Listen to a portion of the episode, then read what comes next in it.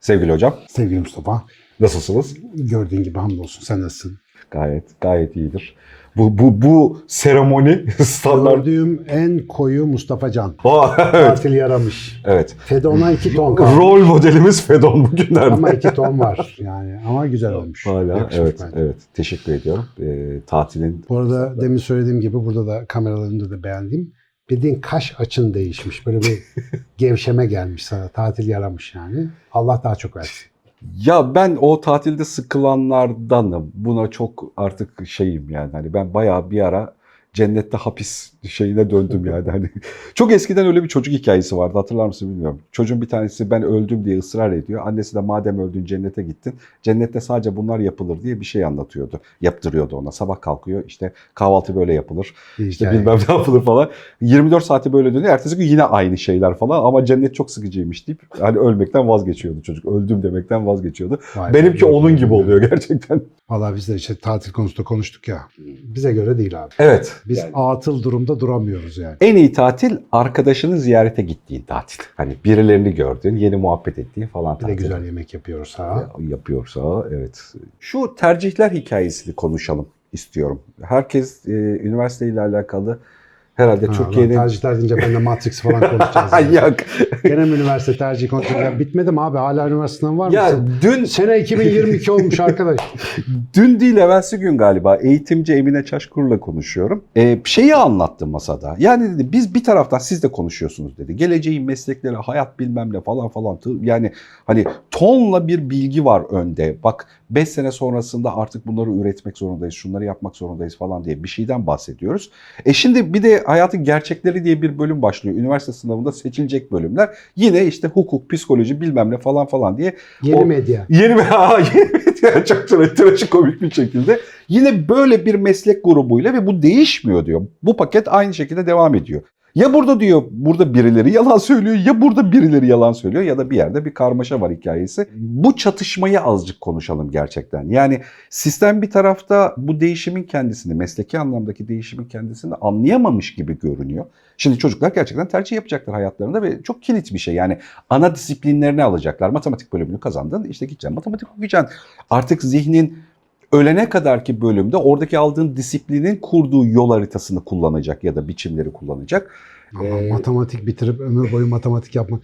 Böyle de bir hayat var yani. Neyle Var ilgili? tabii. Bu arada yani hani yöntemsel bilgi olarak bakmayı bilirsen çok eğlenceli olabilir ama e, bir şeyde hani matematiği bir meslek bilgisi bilmem ne diye baktığında trajikomik bir sonuç çıkıyor. Abi zaten yani. işte matematik diyor ya yabancılar applied mathematics falan gibi şeye dönüşmedikten sonra yani hayata bir faydası, mala da vara bir faydası olmadıktan sonra nedir matematik okuyayım? Ya Allah kabul etsin. İşte bu yani neyi niye okuduğumuzun bile bir karşılığı olmayınca bu tercih işi bana gerçekten abi çok sıkıcı geliyor.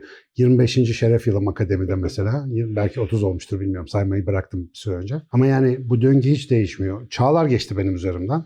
Ya benim başladığım zamanla şimdi çok farklı. Ama üniversitenin o debilliği aynı. Yani o hiç değişmiyor mesela.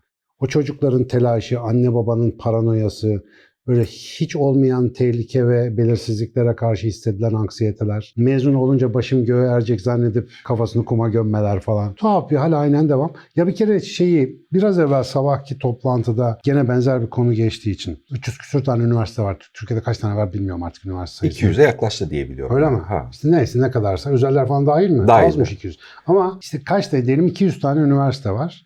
Bu 200 üniversiteden kaç yüz bin tane biz mezun veriyoruz? Bir sürü insan. Ve ortalık şu anda vasıfsız, niteliksiz, elinden iş gelmeyen üniversite mezunlarıyla dolu. Ve bu üniversite mezunlarının bize çok önemli bir sıkıntısı var. Adam normal alt düzey gördüğü işi yapamıyor. Çünkü elinde e, üniversite diploması var. Bizim elimizde bir sürü vasıfsız mezun ve yapılacak bir sürü iş var. O işleri yapacak kimse yok. Mesela sabahki muhabbet şuydu. Gerçekten iyi, uzman ve güvenilir garson bulmak çok büyük problemmiş şu anda. Garson yokmuş mesela. Şimdi garson ve "Hmm" falan denen bir meslek. Abi yemeğe gittiğinde öyle değil. Yani o yemeği yediğinde sen kalifiye bir garson arıyorsun değil mi? Bol bahşiş bırakıyorsun hoşuna gidiyor. Peki o adam nereden çıkacak? Yani Andromeda'dan mı ithal edeceğiz? Bir yerden mi bitireceğiz? Yerden mi çıkacak? Aynı muhabbeti berberimle konuştum. Aynı şeyi anlatıyor. Artık diyor eskisi gibi çırak çırak, Çırak girişi yok. alamıyorum diyor. Yani çocukların bambaşka hayalleri var. Herkes YouTuber olmak istiyor falan. Yani hiçbirini şey olarak hani düzgün o alışkın olduğumuz 3 sene bizde çırak kalacak ya da 2 sene çırak kalacak. Bu eğitim silsilesinden geçerek o da kalfa olacak, usta olacak zincirini kuramıyoruz diyor. Gelen Benim çocuk oğlan 3 ay kalır. bu sene girdi üniversite sınavına. Sonuçlar gelmiş. Hiç konuşmak istemiyor konuyla ilgili mesela. ya mesela benimkinin hakikaten ilgisi yok ve ilgisi olmamasını da ben destekliyorum bir akademisyen olarak. E, tabii şey de yanında da bir uğraşı olsa iyi olurdu. Hani bir ticarete sarsa, sanata sarsa bir şey. O da yok ama yani mesela üniversiteye dair çok büyük beklentisinin olmaması bence sağlıklı bu devirde. Fakat onu bile depresyona soktuk bir sistem olarak.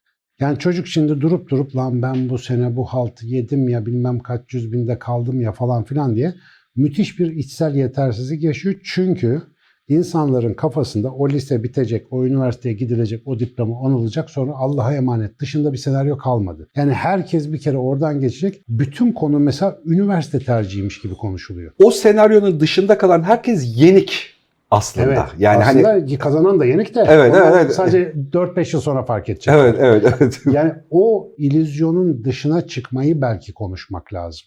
Yani şimdi mesela meslek liselerinin durumu Bu değişik oldu bu arada gerçekten. Ha, Yani evet. meslek liselerinin durumunu hep konuşuyoruz. Mesela meslek meslek lisesi. Ya bir ülkedeki hele bizimki gibi genç nüfusu yoğun bir ülkedeki en önemli, bütün kaynaklarımızı aktarmamız gereken en önemli eğitim kurumu orası olmalı. Çünkü düşün, çocuk 17 yaşında liseyi bitirdiğinde elinde mesleği hazır.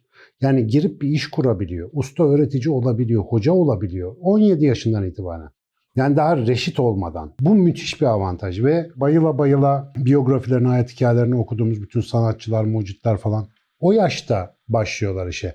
Üniversiteyi bitirip doktorasını yaptıktan sonra bilimimize ya da sanatımıza büyük katkı yapması hiç kimse yok ki. Dolayısıyla bu çekirdekten yetişme dediğimiz meselenin olmadığı bir ülkede şimdi biz neyin karnı ağrısını çekiyoruz? Üretim yok. Allah Allah niye yok acaba bu ülkede üretim? Ulan herkes nasıl üretileceğini konuşuyor. Çünkü diplomalı benim gibi. Şöyle yapılmalı, böyle yapılmalı. Elinden torna işi gelen adam yok. İki civatayı sıkabilen adam yok. E sen şimdi bu sistemi ya bir de işin şöyle bir tarafı var. Şimdi sistem düzeyinde konuştuğumuzu zannediyor insanlar böyle şey. Hayır. Sevgili anne ya da baba. Ben ona konuşuyorum şu anda. Şimdi çocuğun istiyorsun ki üniversite mezunu olsun. Bir kere bir dur bir sor. Niye? Niye bu çocuk üniversite mezunu? Yani bu çocuğun varlığını kendini doyuracak bir şekilde yaşaması için bu üniversite denen şey, o bölüm şart mı değil mi? Bir kere onu masaya koy. Bu çocuk gerçekten ne istiyor? Bu çocuk ne yapabiliyor, ne yapamıyor? Mesela bütün bunlara baktığında eğer gittiği yolda üniversite gerekli bir şeyse yumul çalış hiç itirazım yok. Git en iyisini kazan, en iyisini oku, ter dök, saç dök ne yapıyorsan yap o diplomayı al. Ama bu çocuk el sanatlarıyla ilgili bir şey yapacaksa, ticaret yapacaksa ya da ne bileyim tasarım, yazılım dahil bunların hepsi dahil. Ya bunlar bugün evde öğreniliyor. Bu çocuğu sen niye bir 4 sene 5 sene daha oyalıyorsun? Niye o hayatın en verimli devresinde sinir hücrelerinin neredeyse yüzde birine varanına kadar öldürecek bir strese sokuyorsun bu çocuğu? E Çünkü sistem böyle diyor. Bir kere bunu bizim gibi birilerinin çokça söyleyip galiba insanları rahatlatması lazım. Üçüncü yolu düşünemiyor kimse. Ya üniversiteli olacak ya başarısız olacak. Öyle bir şey yok. Üniversitesiz ve başarılı olabilen milyonlarca insan var bu dünyada. Bir kere onu önce anlamak lazım.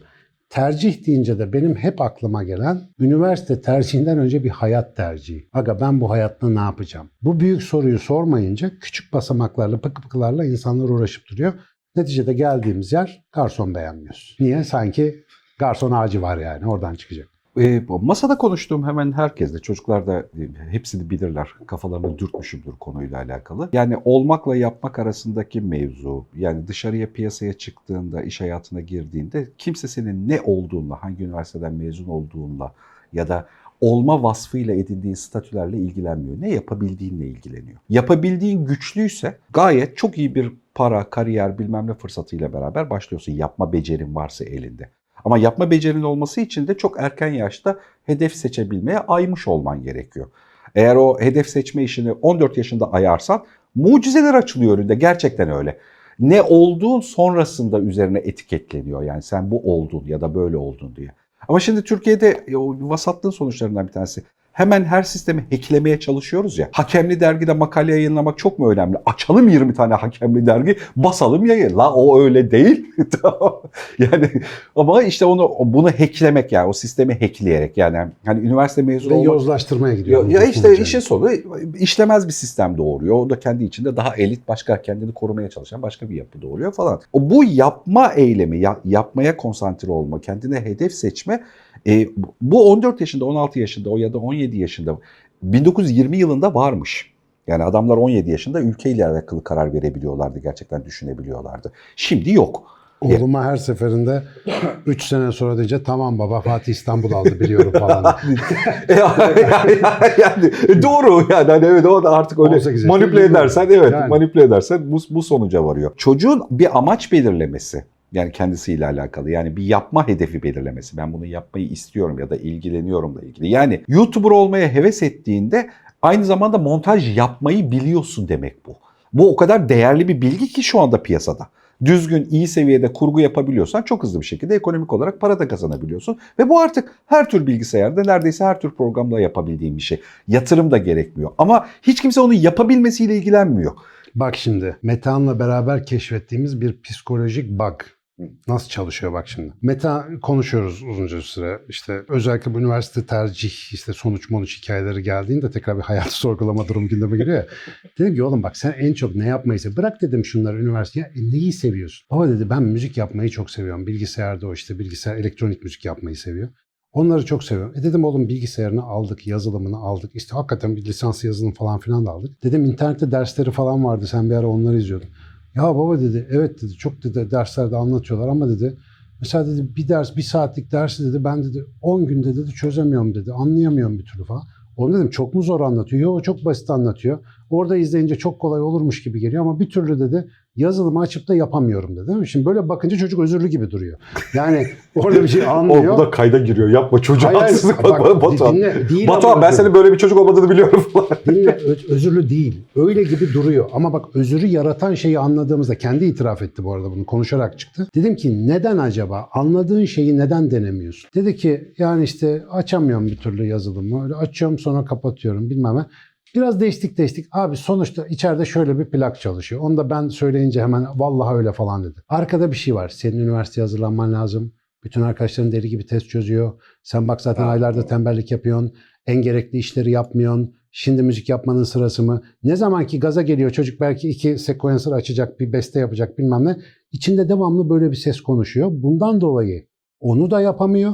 Sevdiğini yapamadığı için dersine de çalışamıyor. Yani o testi mesti de çözemiyor. Dolayısıyla Metehan bir sene boyunca evde böyle depresyonda gibi oturuyor. Dikkat et burada bu psikolojik bug'ı kim yerleştirdi bu çocuğa? Sistem bir bütün olarak. Biz de muhtemelen destekledik bilerek ya da bilmeyerek. Bu çocuğun hayatında belki de üzerine hiç vazife olmayan ama görev diye belletilmiş bir şey var. Canı yapmak istemiyor. Ama devamlı arkada biri bık bık bık bık bunu yapman lazım, bunu yapman lazım. Şey var ya, di- dini öğretilerin birçoğunda da bir ideal self var, ideal benlik vardır. Oraya hep ulaşamadığı için kendini hep böyle döversin ya, hep kendini aşağılık Hep suçlusundur. Hep suçlusundur. Aynı kafa. Yani sistem böyle hepinizi profesör yapmaya ahdetmiş.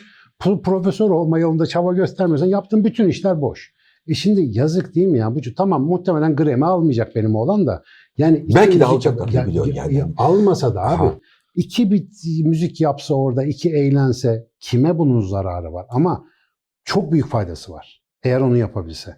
Elinden aldığımız şeyi kendi elimizden aldığımızı fark etmiyoruz. Yani o çocuğun orada yapacağı yaratıcı bir şeyin toplum zihnine, toplum kalitesine nasıl katkı yapacağını bilmediğimiz için bunu bir acil sorun olarak göremiyoruz hala. Bak sadece benim oğlum yaşamıyor bunu. Milyonlarca çocuk. Çocuk sırf yüksek puan aldığı için tıp fakültesine gidecek kaderi çizilmiş yani. Geçenlerde bir fen lisesine gittim. İstanbul'un en iyi fen liselerinden biri. Ya laf olsun diye mesela aranızda doktor olmak isteyen var mı dedim. Abi 750 öğrencinin hepsi el kaldırdı. Dedim ben o zaman hasta olayım bari. Yani adam kalmadı çünkü hepiniz doktor oluyorsunuz. Madem iş bölümü yapacağız. Valla bana da hastalık kalıyor.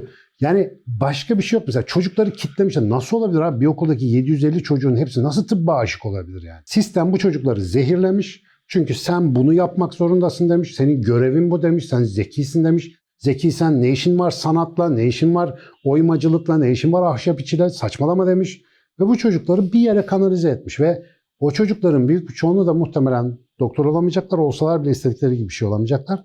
Hayat boyu hep bir eksiklik ve yokluk hissi içerisinde yaşayacaklar. Sonra nice sanatçılar, nice edebiyatçılar, nice şairler daha doğmadan ölecekler. Resmen bildiğin kürtaj yapıyoruz biz o çocuklara yani. Zihinsel kürtaj. Onların potansiyellerini çıkarıp alıyoruz. E şimdi bu bence tercihteki ana problem. Bu çocuk tercih etmek zorunda mı? Tercihini illa o üniversite kapısında mı yapmak zorunda? İçinde bin bir tane aslan dönüyor. Önüne bir katalog koyuyorsun. Altı tane meslek var.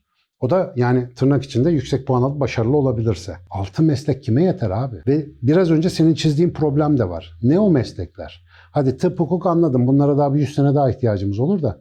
Öbürlerini kim ne yapsın? Ya mesela Yeni medyayı kim? yeni medyayı, yazılımı, bilmem Bu arada nesi. yani iletişimle alakalı o kadar büyük bir açık var ki piyasada.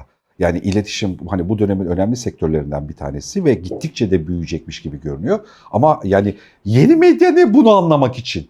Hani konuyu hiç anlamayan, 1980 modernist kafasıyla olaya bakan bir mesleki jargon türüyor. Sonra çocuk tekrar 35'ine kadar sistemi keşfediyor. Ya bu Bugün böyleymiş. sabah aklımıza geldi mesela Müge Hanım'la konuşurken. 10 senedir falan hayatımızda internet var. Okullarda internet kültürüne dair hiçbir ders yok. Üniversitelerde internetin yaratıcı kullanımına dair hiçbir bölüm doğru dürüst ders bir bir şey yok. Ne zaman olacak abi bu? İnternet kalktığı zaman mı açacağız biz internet bölümlerini? Mesela Şimdi çocuk kampına bir atölye tasarlıyordum da oradan geldi aklımıza. 15 dakika zaman baskılı bir atölye bu. Çocukları gruplara ayırıp 15 dakika zaman vereceğim. Aralarında konuşup istedikleri bir şey, şunu öğrenmek istiyoruz diye bir fikir çıkaracaklar. Bilmedikleri bir şey bulacaklar. YouTube'dan 15 dakika içinde onun nasıl yapıldığını öğrenecekler. Ee, imkanlar varsa yapacaklar yoksa projesini çizecekler. Nasıl yapılacağını anlatacaklar. Şimdi mesela YouTube öyle bir yer ki tek başına internetin minik bir parçası. Her şey var. Öğrenemeyeceğin hiçbir şey yok. E peki ben bu bilgi denizi içerisinde niye debil debil oturuyorum? Niye hiçbir şey yapamıyorum? Çünkü onu nasıl kullanacağımı bilmiyorum. Kültürü yok. Üzerime bir şeyler yağıyor. YouTube kendimi sürekli işte America's Got Talent'taki işte bilmem ne auditionları dinleyip vay be ne güzel söyledi falan derken buluyorum. Yani bir böyle pasif bir tüketiciye dönüştürüyor beni. Ben bunu eğer bir bölüm, bir ders, bir program yapabilirsem eğitimin bir kıymeti var. O zaman bu eğitim bana öyle bir yetkinlik verecek ki ben bu bilgi okyanusu içerisinde aradığını nasıl bulacağını bilen, pusulası, rotası bilmem nesi olan bir gemici gibi olacağım yani. Gidip İlham verme denilen şey de bu oluyor aslında. Yani bunun bir olasılık olduğuna dair e, ilhamı görmek zorunda kalıyor çocuklar. Yoksa öteki türlü YouTube'un keşfeti sadece en yüksek tüketilen konuya ki. doğru seni akıtıyor. Senin gibilerin en çok ne seyrettiği ve tabii ki YouTube'un da en çok senin gibilerin seyrettiğinden ne kadar para kazandığıyla alakalı bir takım bir, bir işleyiş. Halbuki öteki tarafta yani ha yani sadece YouTube'a ya da internetin kendisini kullanarak. Yani şimdi mesela bu dönemin en önemli problemlerinden bir tanesi içerik derleme toplama. E, e, internet diye devasal bir kütüphaneyle baş başasın. Tonlarca açık veri bilgi var. Yani iki bilgiyi alıp birbirleriyle korele etmek bile muhteşem bir şekilde bir şeyi öğrenmeni ya da geliştirmene fayda sağlayabilir. Ama mesela oraya kör nokta olarak bakıyor. Niye? Belli değil. Yani hani üzerine bir şey düşünmek için Abi işte yani bu örneği şundan verdim. Eğitim şu anki haliyle tam anlamıyla kelime anlamı itibariyle anakronik. Yani zamanına uyumsuz bir eğitim Evet. var. Yani anakronik tarihsel kayma yaşayan demek. Yani bu tarihe uygun olmayan. Saçma sapan arkaik bir yöntemle yenilenmeye çalışılan yazık ismine yeni koyarak yeni yapabileceğimiz zannettiğimiz abuk abuk içeriklerle uğraşıyoruz. Yani ve aslına bakarsan bundan tıp ve hukuk gibi en hayati bölümler de etkileniyor. Mesela tıpta anlattığımız şeyler hala aslına bakarsan bizim 100 senelik bilgilerimiz. O 100 senelik bilgileri dizip dizip üzerine sonra çocuğun işte bütüncül bakış, ruh, zihin, beden bütünlüğünü bilmem nesini falan anlamasını bekliyoruz. Tıp fakültesinde öyle nosyona sahip hoca yok ki doğru dürüst. Yani hepsi böyle parça uzmanı, yedek parça. Ya da teorik olarak masada işte hastalık yoktur, hasta vardır, hasta konsantrasyonuna bak diyoruz ama bu teorik olarak söylediğinde pratikte hiçbir karşılığı olmayan bir sistemin içerisinde alıyoruz çocuk. Yani neticede çocuk yani tercih konuşuyoruz ya. Ne tercih ediyor Allah'ını seversen? Bomboş bir hikaye. Yani bomboş bir hikaye. Şöyle bir hadi analoji yapalım konuyla alakalı. Ee, Şimdi bu şu andaki zihninle 20 yaşında olsan, 18 yaşında olsan ve tercih yapıyor olsan. Senin şey ısrarını, inatlarını biliyorum. Ben biyoloji okurum. Bu, bu söylüyorsun ama hani o kafayla değil. Yani hani akıllıca bir tercih sistemi çıkartıyor olsak düşünürkenki yöntemimizi anlatmak açısından ne tercih edersin mesela şimdi? Şimdiye Bir profesör zihniyle döndük. Aynısını yapardım çünkü. Şu anda mesela bir YouTube programı yapıyoruz. Azımsanmayacak bir kitle bizi izliyor. Bayağı fanlarımız var. İşte bir yerde bir konuşma yapıyorsun. Yüzlerce binlerce insan geliyordur. Şimdi bunlar nasıl oldu diye geriye dönüp baktığımda. Biyoloji okuduğum için olmadı. Bilmem ne master doktora profesör olduğum için olmadı. Biraz çenem çok çalıştığı için oldu ama sadece ondan da olmadı. Ya başka çeneyle ilgili yapılacak bilecek bir sürü şey vardı. Bütün bunlar başlangıçta az sayıda şanslı insandan birisi olarak neden olduğunu bilmeyip sevdiği bir konunun peşine düşüp onun peşinden makul bir süre gidebilmiş biri olduğum için oldu. Şimdi o günkü halime geri dönersem lise yıllığımda Yine bir şey seçebildin ama. Bak şöyle lise yıllarında şöyle geleceğin biyoloğuna başarılar yazıyor. Benim zamanımda da şimdi de gençlerde böyle bir farkındalık ben hatırlamıyorum. Yani nadirattan olur. Ki ben o zamanki ben hiç böyle kafada bir çocuk değildim yani. Lay lay lom işte Melike Mozan bilmem falan. Ama e, fikir neyse zikir ya dervişte. Ağzımdan sürekli bir biyoloji lafı çıkıyor. Bayılıyorum ediyorum. Şimdi bu kritik. Niye bu arada hatırlıyor musun? Hatırlıyorum da bir işte lise 1'de bir biyoloji hocası gelmişti. Ya kadıncağızın ismini üç tür hatırlayamıyorum bir türlü. Görsem yaşıyorsa Allah selamet versin. Öyle bir şey anlat anlamıyorum ne anlattığını. Geldi derste bir şey. Fakat kadın o kadar eğleniyor ki. Yani neşe içerisinde. Bizi umurunda değiliz mesela. Sınıf böyle lay lay lom. Kadın öyle oluyor, böyle oluyor falan. Dedim la bu ne yapıyorsa ben ondan yapacağım. Bunun kafa güzel. Yani çok böyle hoşuma gitti. Ondan sonra öyle bakınca anlattığını anlamaya başladım. Anlattığını anlayınca la dedim ben, benden bahsediyor bu kadın falan. Tabii burada başka faktörler de var. Annemin hemşire kökenli olması, küçükken kurbağalarda deney yapmış olmasından getirdiği böyle bir hayvan mıncıklama alışkanlığı falan hepsini birleştir. Neticede sebepler muhtelif ama içinde bir aşk ve sevgi oluşuyor. O aşk ve sevgi çoğu zaman şöyle oluyor. Bana yapıldı bu. Ne yapacaksın lan biyolog olup sinek doktorum olacağım başımıza çok dendi bu. Mesela orada hemen vazgeçebilirsin. İşte orada bazı kolaylaştırıcı faktörler var. Metalci olmak çok önemli mesela. Toplumdan ayrısın zaten cins bir şey yapacaksın. Ben biyolog sinek doktorum olacağım anasını satayım falan diyorsun böyle. O tip kolaylaştırıcı faktörlerle ailenin destek ol. Bu bak burası çok önemli. Benim babam esnaf. İlk veliahtıyım. Büyük oğluyum. iki oğlu var zaten. Dükkan bana kalacak. Adam ona rağmen e bari oku ne yapalım'a geldi yani. Annemin gazı mazı, etraftakilerin desteği. Mesela bunlar çok önemli. O yüzden tercih konusunu çocukla değil ana babayla konuşuyoruz biz. Ya onların esas bu yolu açması lazım. Ve ben bugünden o güne geri dönsem en akıllı yapabileceğim şey o aşk nereye doğru varsa onun ucundan tutup biraz da arkasında durma dirayeti göstererek dibine kadar gitmek. Ve biyoloji Bu konusu için her ne olursa olsun. ne olursa olsun. Yani Bu önemli bu arada gerçekten. Tabii üniversite tercihinden bahsetmiyorum. Yani- ben yani hukukçu ya da doktor olmak sana bir avantaj sağlamıyor. sağlamayacak. Yani bunların da kendi içerisinde binlerce statüsel anlamda karşılığı var. Orada bunlardan bir tanesinde iyi para kazanan, iyi statüsü olan bir yerde olabilmek için gereken şey tutkuyla Aynen. bir şey Bak, seçiyor Net olmak. söylüyorum kuyumcu olsaydım ben, kader ağlarını öyle olsaydı. Ben bugün sürekli biyoloji kitabı ya da belki sinir bilim kitabı okuyan bir kuyumcu olurdum. Çünkü o zaman hastalığım çok erken başladı benim. Ama bir insanı mesela beni sürekli insanlar konuşurken görüyor. Nereden geliyor bu kadar laf? Abi 40 senedir süren bir aşktan bahsediyoruz ya. 40 senedir. 40 senelik eşim falan diyorlar. Öyle bir şey yani. Artık hal oluyor sende o. Mesela ben dünyada o yüzden sayılı şanslı, bence sen de öylesin. Sayılı şanslı insan. Sen de takıntısını yaşayan büyük oranda bir insansın. Bizi zaten bu buluşturuyor. E şimdi sorsam mesela akademik olarak henüz Nobel almış değilim. Çok büyük böyle bir ödülüm, başarım. İşte yayın sayım makul. Bu arada hoca az konuş yayın yap falan filan diyorlar. Giriyorlar benim aş indekse bakıyorlar. Oha lan herifteki aş indekse bak falan diye. Aş indeks bu arada yayınların atıf alma oranıdır. Hiç fena değildir benimki yani. Yıllardır doğru yayın yapmama rağmen. Çünkü ben o alanı bıraktım. Ben anlatıcılık ve eğitimle uğraşıyorum. Nasıl oluyor böyle bir şey? Çok basit bir şey abi. Her insanın hakkı olan bir şeyle. Her insanın doğuştan getirdiği nasıl can, mal bilmem ne hakkı var ya. Abi hayalin peşinden gitme hakkı da var. Niye yok? Mesela benim oğlumun, benim kızımın niye böyle bir hakkı olmasın? En çılgınca şey olabilir bu. Burnunu duvara vursun, anlarsın, geri dönsün. Yani bırak kendi öğrensin. Ama yok. İlla herkes o öndeki menüden bir tercih yapacak. Oraya bütün umutlarını bağlayacak. %99.99 kaybedenlerden olacak. Çünkü ya mezun olunca ya 5 sene sonra o umutlarının tamamen boş olduğunu fark edecek ve lanet bir insana dönüşecek. Hepimize de hayatı zehir edecek. Yani böyle bir sistem kuruyoruz. O yüzden bu tercih hikayesi içerisinde üniversite tercihinden önce çocuklarımızla hayatı konuşmayı ihmal etmeyelim. Hayattır esas önemli olan. Üniversitedir, okuldur bunlar basamak. Ya bu çocuk, çoğumuz çocuk kamplarında görüyoruz işte. Çocuğumuzun ne yapmak istediğini bilmiyoruz abi. Çocuğumuzun ne yapmamızı, ne yapmasını istediğimizi biliyoruz. O da tam değil. Ya benim yapamadığımı yapsın. Çok zengin olsun. Niye? yani çok işte bilmem ne olsun. Çocuk onun için gelmiyor. Yani bütün bunları kale alıp o çocuğun hiç öngöremediğimiz bir gelecekte, bilmediğimiz mesleklerin hükümdar olduğu bir zamanda parmak izi kimseye benzemeyen benzersiz hede öde bir insan olarak yaşayacağını belki de günde beş vakit kendimize hatırlatmamız lazım. Yani böyle bir sorumluluğumuz var.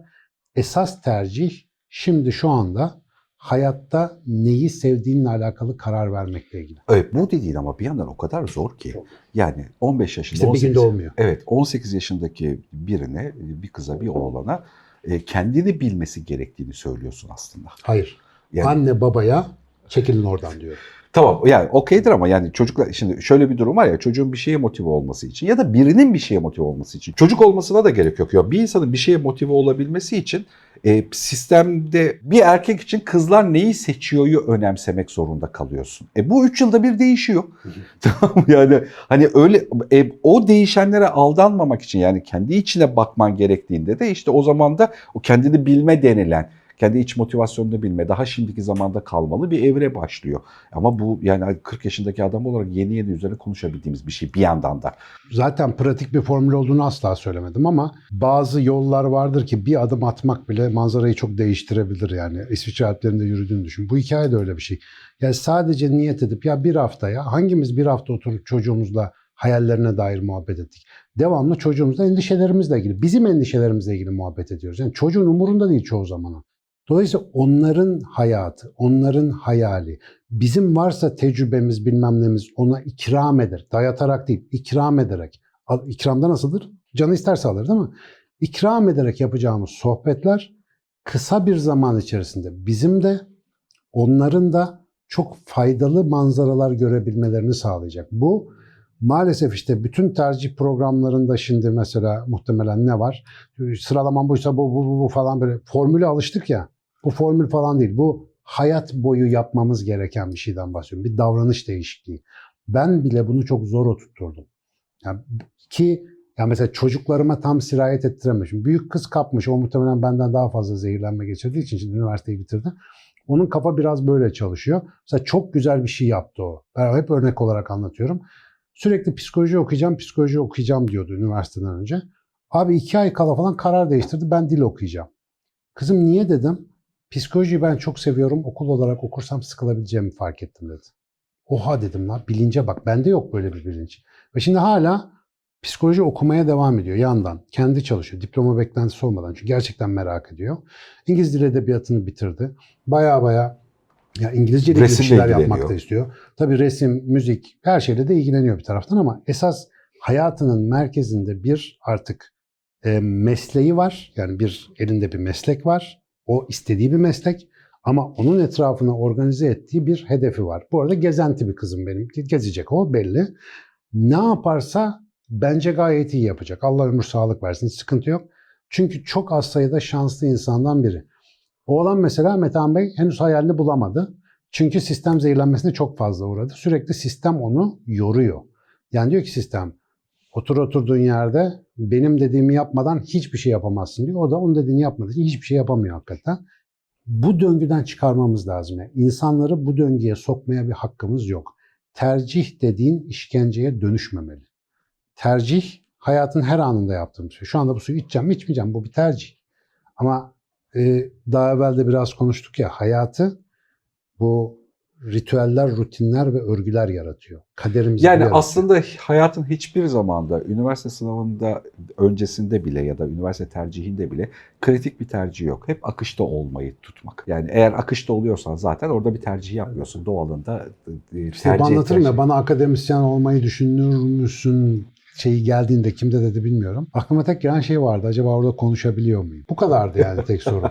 Başka hiç böyle dediler ki ders var konuşuyoruz. Tamam dedim. Put me in. Geliyorum. Hayatımız öyle çizildi mesela. Bu aşk meşk meselesi böyle millete çok romantik geliyor. Özellikle şu anda kriz durumunda çocuğu bir üniversiteye abi kapağı atsın lafa bak ya kapağı atsın diye bir laf var ya. Bu ne terbiyesiz bir şeydir ya. Çocuğu bir üniversiteye kapağı atsın diye evde kırmızı alarm yaşayan ailelere özellikle söylüyorum. Kapağı hiçbir yere atmasınlar. Yani o çocuk hayatı kapağı bir yere atılacak kadar basit bir varlık değil. Onun bir iç alemi var. Onun bir potansiyeli var. Kimsede olmayan bir kombinasyonu var. Anlamıyorum ki bir insana kendi çocuğunun daha fazla nasıl reklamını yapabilirim yani. Sizin çocuğunuzdan bahsediyorum. Hani çok ve anne babalara sinir oluyorum abi. Sinir oluyorum. Yani bir taraftan çok şefkat ve şeyle böyle sarıp sarmalamak istiyorum. Çünkü onlar da aynısını gördüler. Ama bir taraftan da laftan anlamayana sinir oluyorum. Yani 50 bin kere söylüyoruz. Hep söylüyoruz. O otomatik davranış insanı öyle bir ele geçiriyor ki onun dışına çıkamıyorsun başka türlü. O yüzden salalım.